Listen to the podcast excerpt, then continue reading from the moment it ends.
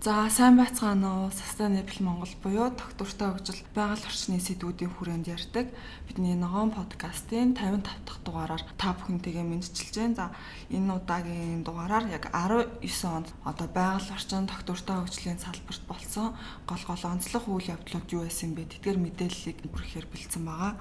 За онцлог үйл явдлын нэг нь болохоор ногоон таксономи гэдээ байгаа. За энэ нь юу вэ гэхээр зэрэг яг Монгол улсын санхүүгийн тогтвортой байдлын зөвлөл гэж байдаг юм байна л да. Тэгээ эднэрт болохоор сангийн сайд, тэгээ Монгол банкны ерөнхийлөгч, санхүүгийн зохицуулах хорооны дарга, тэгээ хадгаламжийн даатгалын корпорацийн захирлын бүрэлдэхүүнийг хэлдэм байна. За эдгээр бүрэлдэхүүн маань ногоон үйл ажиллагааны ангилал буюу ногоон таксономик 12 сарын 10-ны өдөр баталсан байгаа. За энэ нь юу вэ гэхээр зэрэг нөгөө эдийн засгийн салбарын кодчлол гэж байдаг. Тэрнтэй адилхан үйл ажиллагаа явуулж байгаа чиглэл салбар болгоныг ногоон тал руу холбоо төгцөн ногоон салбарын кодчлол гэж шууд байдаг байдлаар ойлгоцод болно. За гол ач холбогдол нь юу юм бэ гэхээр хүлэмжийн агаар орчны бохирдлыг бууруулах байгаль орчин дээлтэй үйл ажиллагааны ангилал тэгээ шалгуур үзүүлэлт нь банк санхүүгийн байгууллагууд болоод за дээрэс нь хөрөнгө оруулагчид болон бодлого боловсруулагчид яг энэ таксономик ногоон зээл төсөл хөтөлбөрүүдийг тодорхойлохдоо энэ ангилаад явж чухал ач холбогдолтой. Гарын авалга нь удахгүй гараад тэгээ хоёрдугаар улиралдаа багтаагаад олон нийтэд мэдээлэл нь хүрээд явахаар бас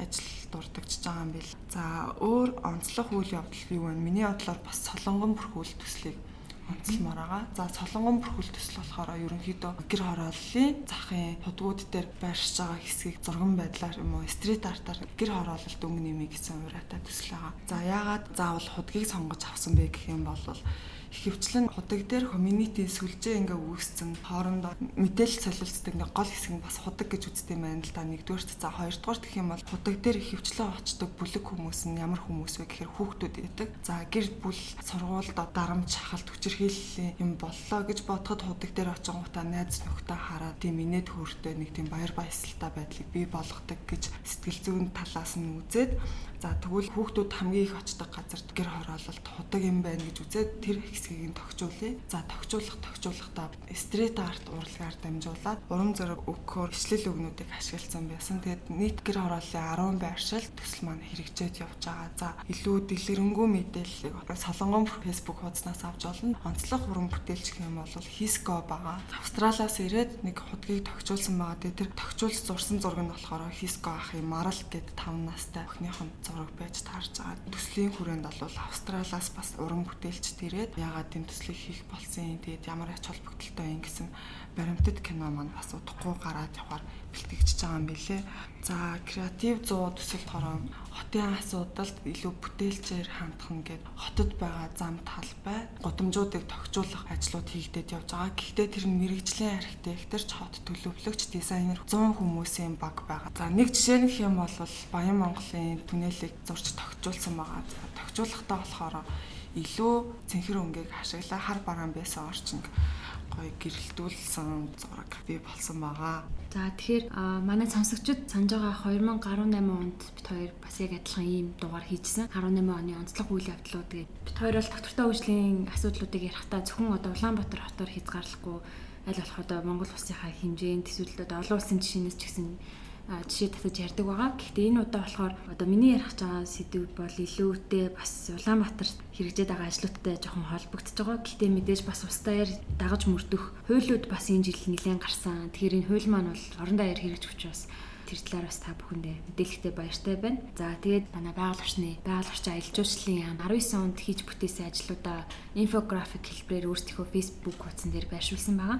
Аа тэгээд та бүхэн ороод харах боломжтой. Үүнээс яг бит хоёрт илүү онцлог санагдсан зарим нэг ажлуудыг танилцуулъя гэж бодсон. За тэгээ энэ болохоор яг засгийн газрын 62 дугаар тогтоолын хэрэгжилтийн тухай би ярих гэж утсан юм аа. Тэгээ энэ 62 дугаар тогтоол гэдэг нь юу вэ гэхээр түүхийн нүрсний 20 тогтоох тухай байгаа. Та бүхэн сайхан бас харсан бах UB Life гээд вебсайт байдаг. Тэр вебсайт дээр сайхан одоо энэ жил ер нь танд Улаанбаатарт ямар мэдгэдэггүй зөвчлөл гарваа гэд хүмүүсээс ярьцлага авахд бол ингээд утаа багслаа өмхийн үнэр багслаа гэсэн тийм хоёр одоо зөвлөг хүмүүс иргэд айгүй хэлсэн байлээ. Тэгээ ялангуяа одоо манай сонгод архан дүүргийн 22 дугаар хороо тархилтын хэсэгт амьдардаг хүмүүст жишээ нь утаанч үнэртдэг төв цэвэрлэгийн бохрын үнэрч үнэртдэг одоо тийм байсан бол одоо тийшээ ер нь хаасайгүй одоо хороолол нисэх тахилт гэл ер нь хотын өнцөг болон бүрт бид нэр одоо энэ жил утааны үнэрийг бага үнэртлээ. Аа бас одоо төв цэвэрлэгийн лагийн одоо өмхийн үнэрийг бол бага үнэрсэн амаа. Тэгээ энэ нь болохоор цаана мэдээж яг энэ манай байгаль орчны яамны хийж байгаа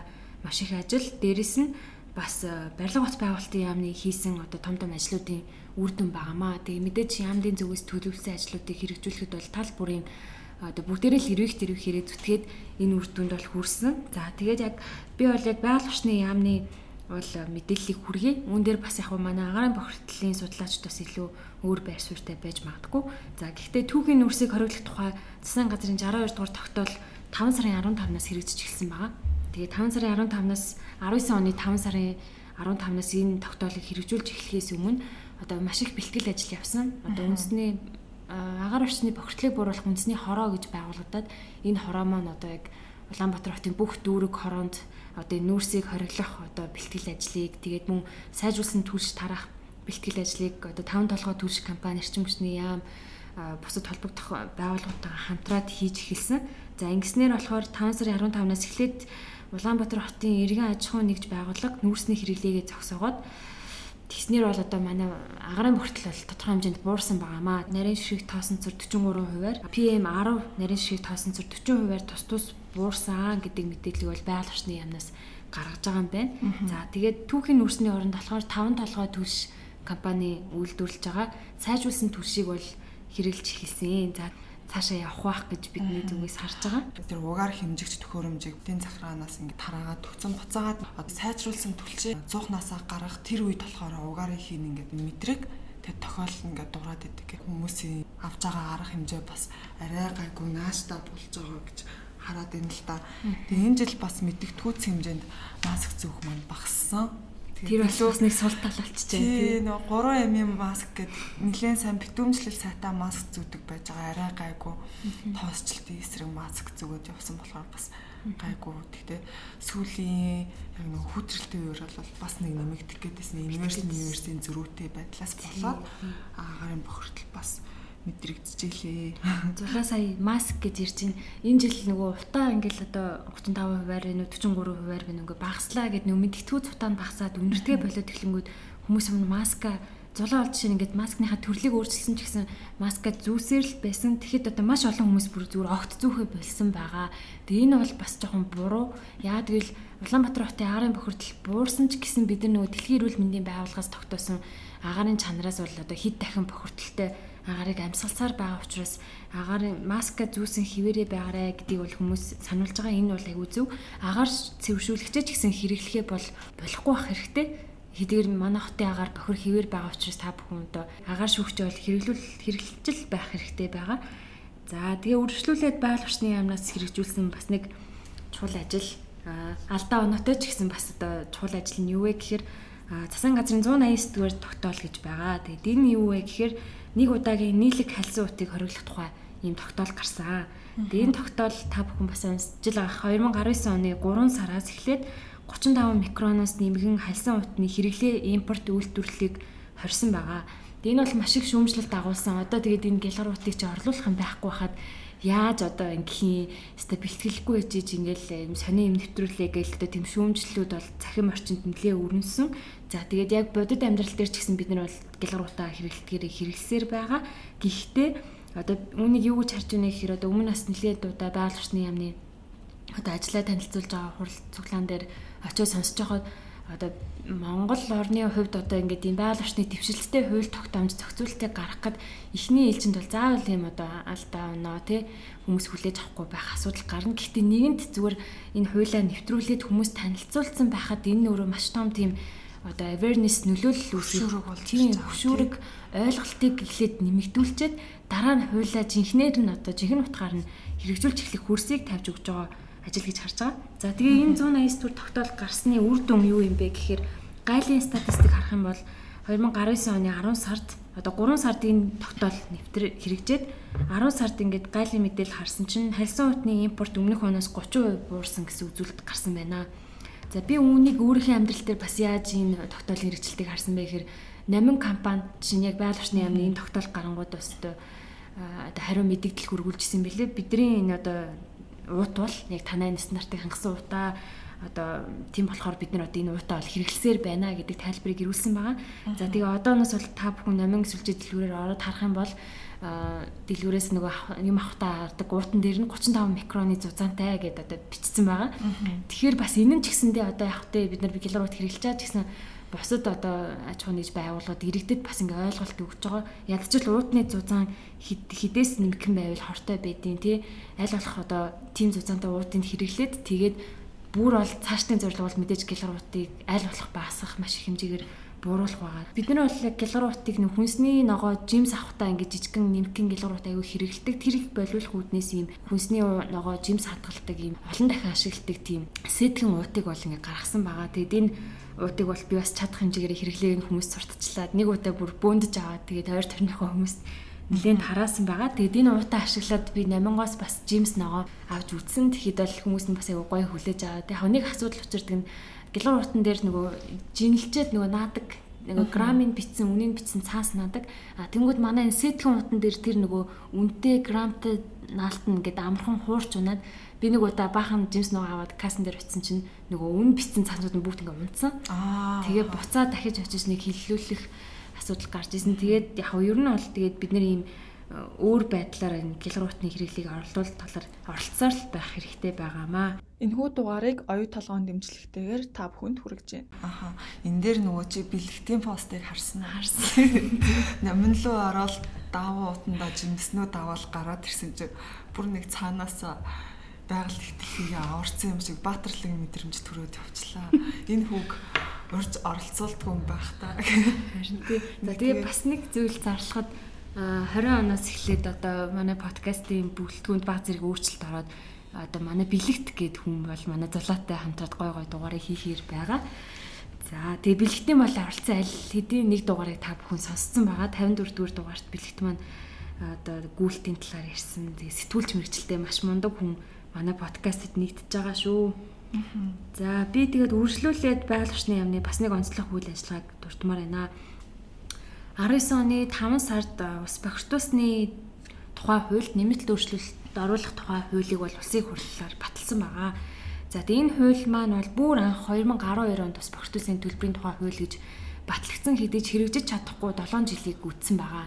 Тэгээ нь яагаад ингээд байгаа ч та одоо нөгөө байгууллага өөрсдийнхөө гаргасан одоо тэр бохирдлынхоо хэмжээгээр ингээд тий төлөлтийгээ явна гэсэн үн үн тий.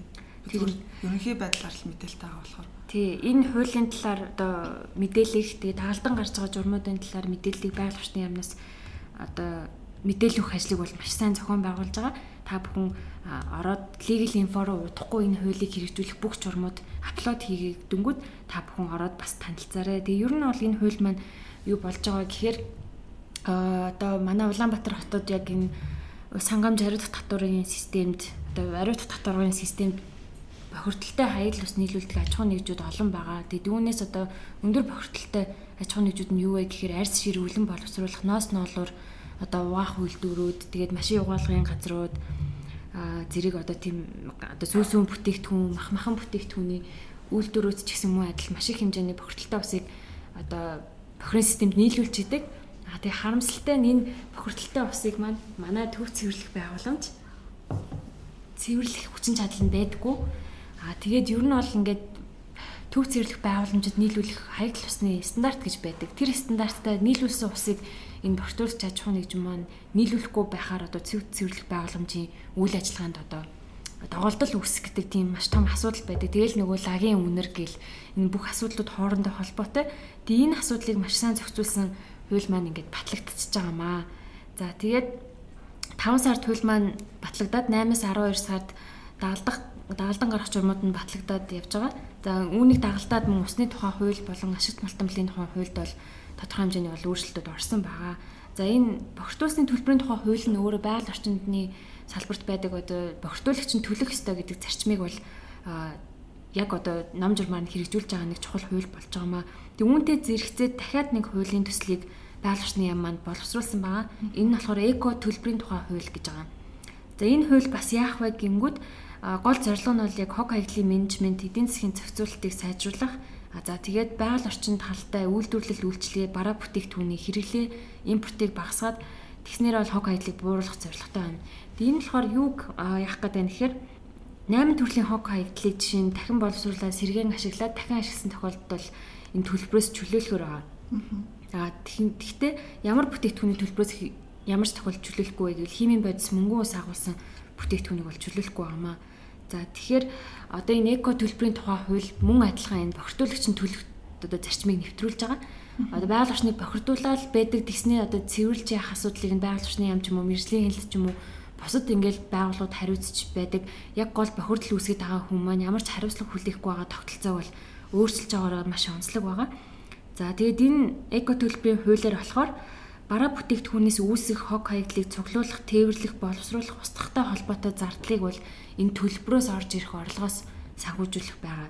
За бас бохирдуулсан төлбөрийн тухай хууль мөн адилхан одоо стандартаас давсан бохирдол хаягдл ус нийлүүлж байгаа аж ахуй нэгжүүд бас бохирдуулсны төлбөр төлнө. Дээрээс нь бас нөхөн одоо төлбөр гэж бас мөн төлгөөр байгаа. Тийм төлбөрүүдээс цуглах орлогыг бол байгаль орчин уур амьсгалын сан маань хурааж аваад тэгээд энэ хурааж авсан орлогоос Монгол орон даяар байгаа төв цэвэрлэх одоо цэвэрлэх цэвэрлэх байгууламжийн засвар үйлчилгээнд бол санхүүжүүлэх боломжтой болж байна. Энэ бол тэгэхээр усны салбарт бол маш хэрэгтэй зохицуулт гарч байгаамаа. За тэгээд дахиад мөн байгаль орчны яамны хэрэгжүүлсэн чухал ажил гэх юм бол Монгол орны нутаг дэвсгэрт байгаа 29 одоо голуудын сав газрын дэргэд сав газрын талуудын оролцооны зөвлөлийн зөвлөлийг бол бэхжүүлэх ажлыг хийсэн. За энэ ажлыг бол 2030 усны нөөцийн бүлэг гэдэг Дэлхийн банкны хажууд байрладаг одоо усны чадхыг бэхжүүлэх чиглэлээр ажилдаг олон улсын байгууллагатай хамтраад хийсэн. За 2014 оноос эхлээд сав газруудын захиргааны дэргэд талуудын оролцооны зөвлөлийг байгуулах ажил эхэллээд 5 жилийн хугацаанд буюу 2019 онд дуусгатлаа гэхэд нийт 25 сав газарт талуудын оролцооны зөвлөл байгуулагдсан. За энэ юу юм бэ гэхээр яг яамны харьяа одоо сав газрын захиргаанууд ингээд голлуудууд дээр байдаг. Тэгээд энэ 29 сав газарт нийтдээ нэг 200 хүн ажилтсан юм байна. Тэнгүүд талуудын оролцооны зөвлөлд байгуулагдсанаар энэ талуудад оролцооны зөвлөлт гэдэг нь одоо тал талын хүмүүс багцсан эрдэм шинжилгээний хүмүүс, хувийн хвшлийнхэн гэд ингээд янз иргэдийн төлөөлөл гэд янз янзын хүмүүс байгуулагдсан зөвлөлүүд 25 сав газарт байгуулсан 800-аад хүн усны салбарт өөрсдийнхөө дуу хоолойг усны засаглалын үйл ажиллагаанд идэвхтэй хувь нэмрээ оруулах боломжтой болж байгаа юм билээ. За тэгээд яг усны нөөцийн нэгдсэн менежментийн төлөвлөгөө гэдэг зүйл сав газар болгон дээр боловсруулагдаж гарсан байгаа. Тэгэхээр ер нь бол энэ усны нөөцийн менежмент бол эрэг жилүүдэд одоо илүү олон талын оролцоотой, илүү бодиттойгоор хэрэгжих тийм нөхцлүүдийг бүрдүүлж өгсөн байгаамаа. За тэгээд би үргэлжлүүлээд нэг ус ярьсных. За түрүүн би дурдсан нөгөө төв цэвэрлэгийн өмхий багслаа те. Энэ барилга бот байгуулалтын яамны бас маш том хувь нэмэр байгаамаа. Барилга бот байгуулалт маань юу хийсэн бэ гэхээр 2018 онд засгийн газрын 77 дугаар 73 дугаар тогтоол гэж гарсан байгаа. Энэ тогтоол нь нөгөөх нөгөө хаягдал ихтэй бохир ус нийлүүлдэг аж ахуй нэгжүүд хариуцлага тооцох тухай байгаа. За тэгээ энэ ажил маань бол ер нь бол төв цэвэрлэгийн ачааллыг ном журмаар ажилуулдаг нөхцөлийг бүрдүүлэхийн тулд гарсан тогтоол байгаа. За тэгээ үүнтэй уялдуулаад та бүхэн маань мэдж байгаа хаа шинэ төв цэвэрлэх байгууламжийн барилгын ажил бол 2019 онд эхэлсэн. 19 оны 2 сарын 28-нд бол яг төв цэвэрлэгийн шавыг тавьсан байгаа. Тэгээд энийг бол бүгд найрамд тагтад ард тусын хөнгөлөлтэй зэглэр нийтдээ 262 сая ам долларын хөрөнгө оруулалтаар манай Улаанбаатар хот шинэ төв цэвэрлэх байгууламжтай болно. За энэ төв цэвэрлэх байгууламж маань 250 мянган метр куб бохир усыг өдөрт цэвэрлэх хүчин чадалтай байна. Гурван үе шаттайгаар цэвэрлэгээ халдваргүйжүүлэлт хийгдээд тэгээд мөн гарсан лага боловсруулад биохи гаргаж аваад өөрийнхөө эрчим хүчний хэрэгцээг дотооддоо төв зөвлөх байгууламжийн нийт цахилгааны хэрэгцээ 53% өөрөө хангадаг бол тийм цогц юм би болж байгаа юм шүү дээ. Нэлээд цогц юм болж байгаа. Тэгэхээр нөгөө яг хизээ дуусах ажил юм бол 23 онд багтааж ашиглалтанд оруулахаар байгаа. Тэгвэл нэлээд шахуул ажиллаж таарах юм. Шахуу ажиллаж байгаа. Одоо ажил тэр бодох нэ. Тийм төслийн нэгж байгуулагдаад ажиллаж байгаа. Тэгээд сайхан айкон цэгийн дээр гарсан энэ төв зөвлөх байгууламжийн барилгын ажил нь эхэлсэн мөртлөө санхүүжилтийн гэрээний зурагтаагүй яваадсан. Тэгээд сайхан манай сангийн яамны Хүрлбаатар сайд хятадд очиод одоо хятадын экспорт импорт банктай энэ 262 сая ам долларын санхүүжилтийн гэрээнд гар хэвсэг зурсан байгаа. Тэгэхээр энэ ажил бол бүр яг баталгаажаад э, юмнууд нь бол тодорхой болоод явж байгаа. За энэ банк нь юу вэ гэсэн. За тэгээд энэ ажилтны өмнө одоо барилга бот байгуулалт маань энэ төв цэвэрлэх маань одоо ингээд шинээр баригдах гад байна. Тэрнээс нь өмнө бас одоо байгаа төв цэвэрлэгээ бас тэр болтол ингээд айтайхан байлгах хэрэгтэй байгаа. Үүний тулд нөгөө өмхий бууруулахын тулд лаг усгүйжүүлэх, үнэргүйжүүлэх үйлдвэрийг бол барьж ашиглалтанд оруулаад 19 оны 9 сард ус суугийн газар хүлээлгэж өгсөн байгаа. За энэ ямар үйлдвэр ашиглалтанд орж вэ гэхээр хоногт 2500 м3 түүхий лагийг усгүйжүүлэх байгууламж байгаа юм. Тэгэхээр энэ байгууламжид маань болохоор ер нь бол одоо төв цэвэрлэгэд 99%-ийн чигшилтэй одоо чиглэгтэй тийм одоо 94-өөс 96%-ийн чиглэгтэй лаг ирээд байгаа. За тэгээ аль хэдийн хуримтлагдсан лаг бол маш их хэмжээгээр байгаа. Хуримтлагдсан лагийн чиглэлийн хэмжээ 96 99% таа байдаг. Тэнгүүд энэ үйлдвэр маань энэ их чиглэгтэй лагийг 70% хүртэл чиглэгтэй болгож усгүйжүүлээд За ингэснээр бол лагийн хэмжээг одоо түүхийн лагийн хэмжээ гэхэд 50 5-аас 8 дахин багасгаад хуримтлагдсан лагийн хэмжээг 50 дахин багасгах тийм одоо боломжтой болж байгаа юм. Ингэснээр нөгөө нэг одоо өвөл зөнгөө ч юм уу бохор үнэртдэг асуудал маань лагийн үнэр үнэртдэг асуудал маань бол багасж байгаа маа. Тэгэд мөнгө та бүхэн хэрэг очиод үзэх юм бол төв цэвэрлэгийн одоо хажууд болоо одоо энэ лаг ус гүйцэтгэх үйлдвэрийн дэргэд энэ гарсан лагийг боловсруулад одоо бордоо үйлдвэрлээд мөнгө тийм хөрс үйлдвэрлэж байгаа. Тэгээ тэр бордоо ашиглаад хөрсөө ашиглаад үрсийн помидор тарьсан байгаа. Тэгээд төв цэвэрлэх байгууламжийн цайны газар энэ бордоогоор тарьсан үрсийн помидороор салаад хийж өгч байгаа шүү. Тэгээд та бүх очиод бас амсч болно. Түү яах вэ? За тэгээд ингээд төв цэвэрлэхтэйж боллоо, лаг өсгөөжүүлэх үйлдвэртэйж боллоо. Байгаль орчны яам маань усны хууль тогтоомжийг ингээд боловсронгуй болгоод өгсөн. Үүн дээр нэмэгдээд болохоор а манай мянганы сорилтын компакт гэрээ гэдэг зүйлээр маш том хөрөнгө оруулалтад усны салбартаас хийгдэж байгаамаа.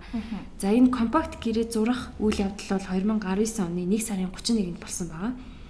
За Монгол Улсын засгийн газар болон Америкийн нэгдсэн улсын мянганы сорилтын корпорацийн хооронд мянганы сорилтын компакт гэрээ сойрхон батлагдсан. Энэ тухай хуулийн төслийг бол Улсын хурл хилцээд 19 оны 1 сарын 31-нд баталсан. Тэгээд энэ маань бол ингээ Монгол Улсын хууль болсон гэсэн үг. Тэгэхээр энийг та гэрээ шууд ингээд хууль болчихж байгаа гэсэн үг. Хууль болж байгаа. Тэгэхээр энэ компакт гэрээ нөгөө зарим хууль тогтоомжос ингээ дээгүүр үйлчлэн тэгээд засгийн газрыг үүргэжүүлж байгаа гэдэг утгаар ингээ хууль болж байгаа. Тэгээд төрийн мэдээлэл сонин дээр бол нийтлэгдсэн байгаа. За тэгээд энэ гэрээ маань ямар учиртай гэрээ бэ гэхээр яг одоо нийтдээ 350 сая долларын хөрөнгө оруулалтыг усны салбарт Улаанбаатар хотын нийт ус хангамжийг нэмэгдүүлэхэд бол оруулнаа. Тэгээ гурван том төсөл хэрэгжүүлэхээр байгаа. Эхнийх нь болохоор баруун их үүсвэр шинээр байгуулах буюу шуван фабрик биокомбинатад 32 одоо гүний том худгууд гаргана гэсэн үг. 32 гүний том худгууд гаргаад тэр тэр худгуудаас жилдээ 50 сая метр куб цэвэр ус олборлох юм. Тэгээ энэ олборлсон цэвэр усаа илүү цэвэршүүлэх, ус гүн цэвэршүүлэх үйлдвэр гэж барина. Аа тэгээд энэхүү одоо цэвэршүүлсэн үйлдвэр маань одоо усныхаа шугамтай холбогдоод нийт хүн амыг одоо 50 сая метр кубээр жилдээ ингээ хангах боломжтой болж байгаа юм аа.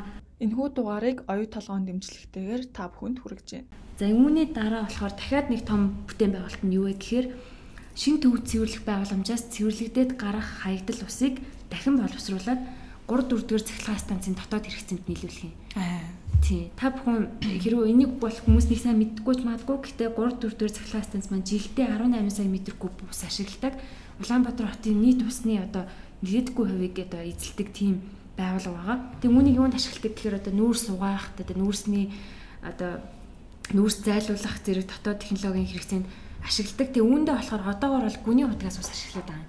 Тэгээ үүнийг бол одоо компакт гэрээний юугаар бол болиулаад хаягдл усаар дахин боловсруулсан хаягдл усаар цахилгаан станцын дотоод хэрэглээ бол шийдэх боломжтой болж байгаа. Ингэснээр болохоор гүний усныхаа нөөцийг ирээдүйдээ хадгалж үлдээгээд тэгээд ингээд усаа дахин боловсруулад ашиглаж байгаамаа эргүүлээд ашиглаад яваадах боломж нь бүрдэж байгаа юм биш үү те. Тий. За тэгээд компакт гэрээний үед гурав дахь ажил нь юу вэ гэхээр одоо энэ том хөрөнгө оруулалтууд ороод ирсэн учраас энэ хөрөнгө оруулалтуудыг усны салбарын тогтвортой байдлыг хангаснаар илүү урт хугацаанд үр өгөөж өгдөг болох юм. За энэ хүрээнд одоо 5 дэд үйл ажиллагаа явуулахаар байгаа. Тэгээд одоо түрүүн хэлсэнчлэн ус бохирдуулагч төр аж ахуйн нэгжүүдийн бохирдлыг багасгах чиглэлээр бол дэмжлэг үзүүлнэ. За мөн усны одоо усны тариф маань бол зардлаа нөхөөгүй байдаг. Тэгэхээр зардлаа нөхсөн тариф тогтоохын тулд шаардлагатай судалгааны ажлуудыг хийн.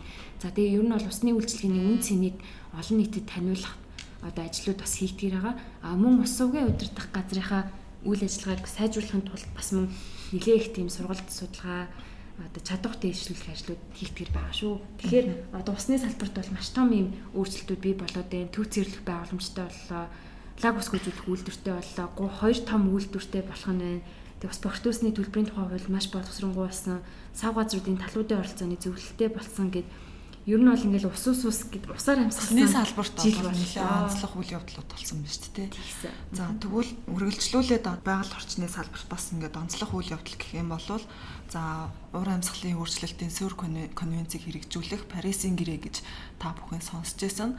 За энэ Парисын гэрээн дээр болохоор Монгол улс нийт одоо гаргаж байгаа хүлэмжийн ялгарлаа 14 хувиар бууруулах гэсэн тийм амлалт өөрөг амлалт авцсан явж байгаад за энэ тоогоо болохоор 19 оны 11 сард болсон NDC формын үеэр энэ тоогоо шинжилээд ер нь бол 22.7 хувиар бас хүлэмжийн хий ялгарлаа бууруулъя 2030 он хүртэл гэсэн зорилт тавьсан байгаа. Тэгэхээр одоо юу гэдэг чинь өмнө нь 2015 онд 14 хувиар бууруулах байснаа буцаагаад энийг 22.7 хувиар бууруулах бас нэг тийм нэлээд томоохон зорилт тавьсан явж байгаа юм лээ. Тэгэхээр яг хүлэмжийн хийх ялгаруулдаг голлох салбаруудыг аваад үзэх юм бол Монгол улсын хувьд эрчим хүчний салбар 49%, хөдөө аж ахуйн салбар 31%, за барилгын салбар 5%, зам тээвэр болохоор 6%, за тэгээд аж үйлдвэрийн салбар болохоор 8%, хог хаягдлын салбар 1%-ийг эзэлж байгаа гэсэн үг. Тэгэхээр яг үнтэй зэрэгцээтэй ингээ явахаар эрчим хүчлүү чиглэсэн төслүүд хэрэгжээд байдаг.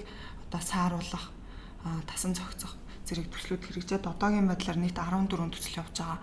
Тэгээд 13 нь болохоор яг уур амьсгалын өөрчлөлтийн сүр конвенцийг хэрэгжүүлэх үүднээс mitigation буюу сааруулах төсөл байгаа бол ганцхан төслийн зөвхөн нөгөө нэг тасан зохицох төсөл хэрэгжиж байгаа. Тэгэхээр явандаа бол яг энэ чиглэлийн хүрээнд тасан зохицох одоо төслүүд нь бас их хэрэгжиж эхлэх төлөв бол ажиглагдж байгаа. За дээрэс нь гэх юм бол Монгол улсын тогтвортой хөгжлийн зорилгын одоо биелэлтийг харж дүгнэх боломжтой болсон байгаа. Одоо SDG Gov.cg эмэнгээ сайт руу орох юм бол өмнө нь тогтвортой хөгжлийн 17 зорилго 220 зорилгоодын хүрээнд энэ ажлуудаа тэгвэл хэрхэн яаж үнэлээд байгаа юм бэ гэж харахад яг үнэлэх үнэлгээнд тодорхой бус тэгээд тоон байдлаар үнэлэх юм уу эсвэл хийгдсэн ажлуудаар нь үнэлэх юм уу гэдэг нь тодорхой бус байсан бол одоо энэ нь бол нэлээд тодорхой болоод ирчихэж байгаа.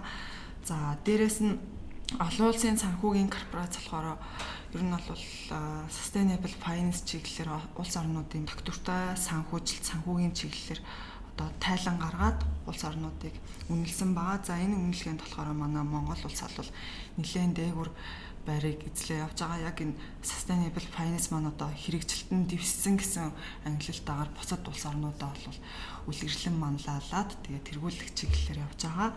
За үргэлжлээд гэх юм бол бас бүс ба зам гэд тэ Belt and Road гэд ингээ хуучин одоо Европ Евразийг холбосон худалдааны гол тэр төв цэгүүдэд байгаа шин санаачлаг өрнөд явж байгаа. Хятад болон Лондон хотын захиргаатай хамтарсан.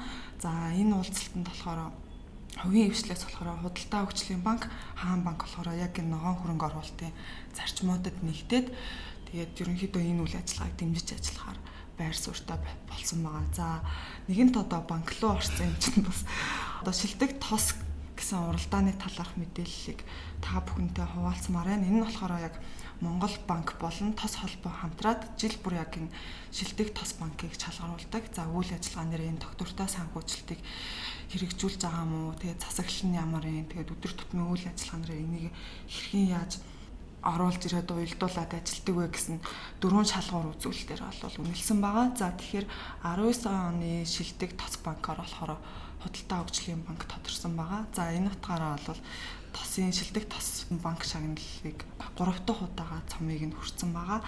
За дотор нь болохоор яг тосын хэрэгжилтийг бол тайлан хугацаанд хамгийн сайн биелүүлсэн хэд хэдэн банкуудыг бас онцлсан байгаа. За хэрэгжил талаас нь сайн хэрэгжүүлж байгаа нь болохоор Трансбанк, Тээвэр хөгжлийн банк. За яг байгаль орчин нийгмийн удирдлагын системээр болохоор Хаан банк. За тэгээд тос удирдлагын тогтолцоогоор Капитрон банк эзэлж байгаа бол яг шилдэг ногоон офисаар болохоор Хаан банк шалгарсан байгаа.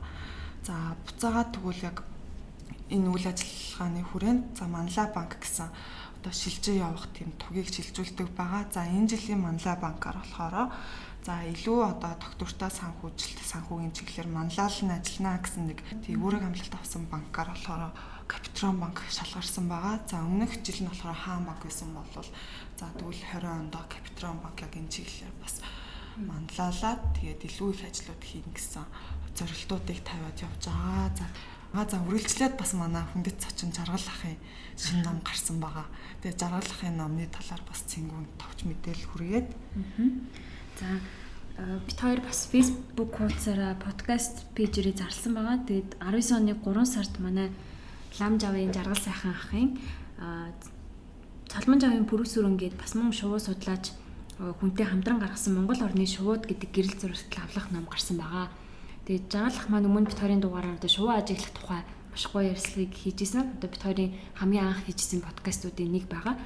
За тэгээд энэ Монгол орны шууд гэдэг гэрэл зөрөгтөл авлах нь ямар ач холбогдолтой юм бэ гэхээр яг одоо Монгол орнд суурин амьдардаг, өндөглөн цусдаг, нүүдлийн үедээ дайрч өнгөрдөг, өвлждөг, цусдаг болон тохиолдлын ховор таардаг гэд нийтдээ юм 330 зүйлийн шуудыг багтаасан байгаа. 330 шувууны нийт 440 өндөр чанартай гэрэл зураг орсон. Тэгээд нас хүйс, дэд зүйлээс хамаарат өнгө зүйлсний ялгаатай байдаг шуудын шинж тэмдгийг харьцуулан гаргасан гэрэл зургуудыг оруулсан байнамаа. Тэгэхээр одоо энэ лавлах нь шувуу судлаач, шувуу сонирхогч одоо шувуу ажиллаж эхэлж байгаа хүн болгонд маш тийм хэрэгтэй лавлах болж өгч байгаа. Тэгээд мөн зөвхөн зурагнаас гадна бас юм тайлбар зүйлттэй байгаа. Тэгээд тайлбар зүйлтийг нь болохоор энэ манай пүрэс сүрэн зэрлэг амтны биологч мэрэгчлээ а шуудын судалгааны шинжилгээний олон төсөл хөтөлбөр дээр ажиллаж исэн хүн бол бичсэн байнамаа. За тэгэхээр энэ намыг бол мөн та бүхэн олж үзэх боломжтой шүү. Тэгээд энэ лавлахын дараагаар бас саяхан бас нэг шувууны нам бол гарсан. Тэр болохоор яг Монгол Улсын их сургуулийн бас биологч эрдэмтдтэй хамтад гарсан байсан. Тэр ном бүр гарангуутал борлогдоод дууссан гэж хэлээ. Тэгэхээр одоо Монгол орны шувууд гэдэг бол өөрөө тийм маш сонирхолтой одоо бидний одоо тийм хайрлж явах хэрэгтэй зүйл байгаамаа. Тэгээд бусад одоо тийм гадаадаар хэвлэгдсэн тэр шувууны ном ингээл шууд дуусчихад бид тийм бүхэн ч гэсэн бас адилхан ингээд шувуугаа сонирхох хэрэгтэй байгаамаа. Заргал ахын ном бас шууд бортлогдоод дууссан бараг дахиад дахиж хэвлэгдээд тэгээ дахиад тэр нөгөө бортлогдоод дууссан гэж сонссон. Аха. За тэгээд би нэг түрүүн цулагийн хэлсэн доктортой хөгжлийн одоо зорилгоодын хэрэгжилтийг хэмжих ажлыг бол мөн манай байгаль орчны яам маань хийсэн байгаамаа. Тэгээд яг үр дүнгийн тооцох маягтыг боловсруулсан. Тэгээ ингэснээр бол байгаль орчны захиргааны статистик мэдээллийн одоо маягттай тэгээд үүнийг хэрхэн бүглэх зааврыг баталсан байгаа.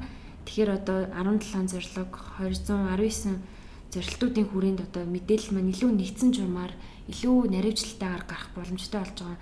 Өмнө нь болохоор бид нэр зүгээр л үндэсний статистикийн орооны одоо гаргасан мэдээллээр байдаг байсан бол одоо тэр мэдээлэл маань илүү баяжаад бид бүхэн одоо илүү мэдээлэлтэй болох нэ. Тэгээд байгаль орчны төсөл хөтөлбөрүүд ч гэсэн өөрсдийнхөө одоо үр нөлөөг бас энэ зорилгоодынхаа индикатор үр дүнг нь харь тооцдог үзүүлэлтэд харьцуулаад явах боломжтой болж байгаа. За энэхүү дугаарыг оюу толгойн дэмжлэгтэйгээр та бүхэнд хүргэж байна.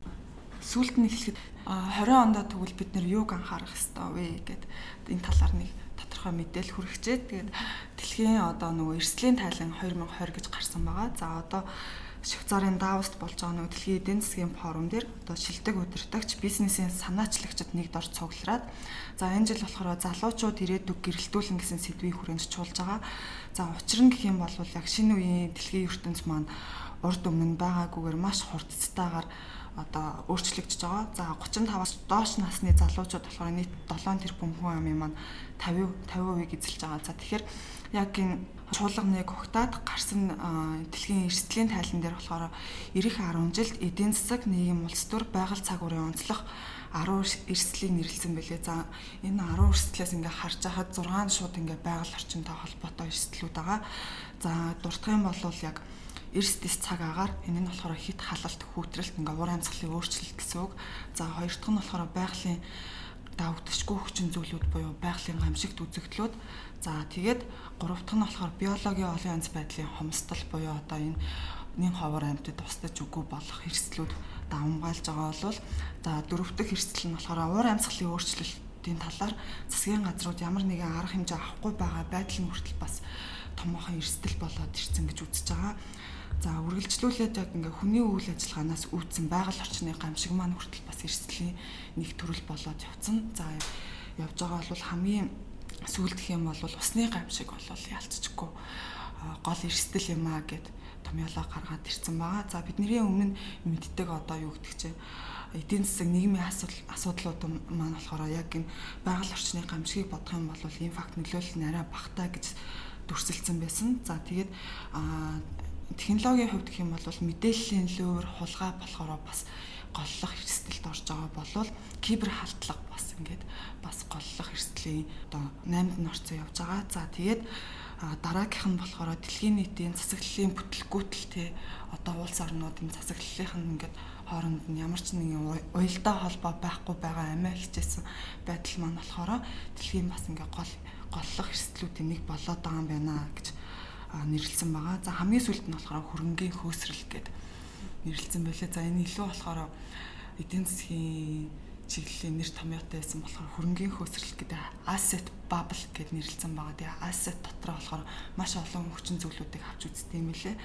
За тэгэхээр яг 2007-оос 2015 он хүртэл эдийн засгийн эрсдлүүд нь голлох 5 эрсдлийг давамгаалж исэн болвол 15 оноос одоо 20 оны хооронд бол ногоон буюу байгаль орчны эрсдлүүд бүр ирсэн гэд түрээд ороод ирсэн.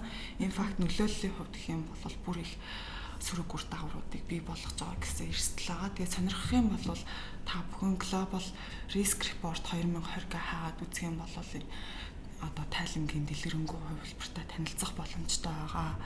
За ингээд энэ удаагийн дугаар энд хүрээд өндөрлөж байна.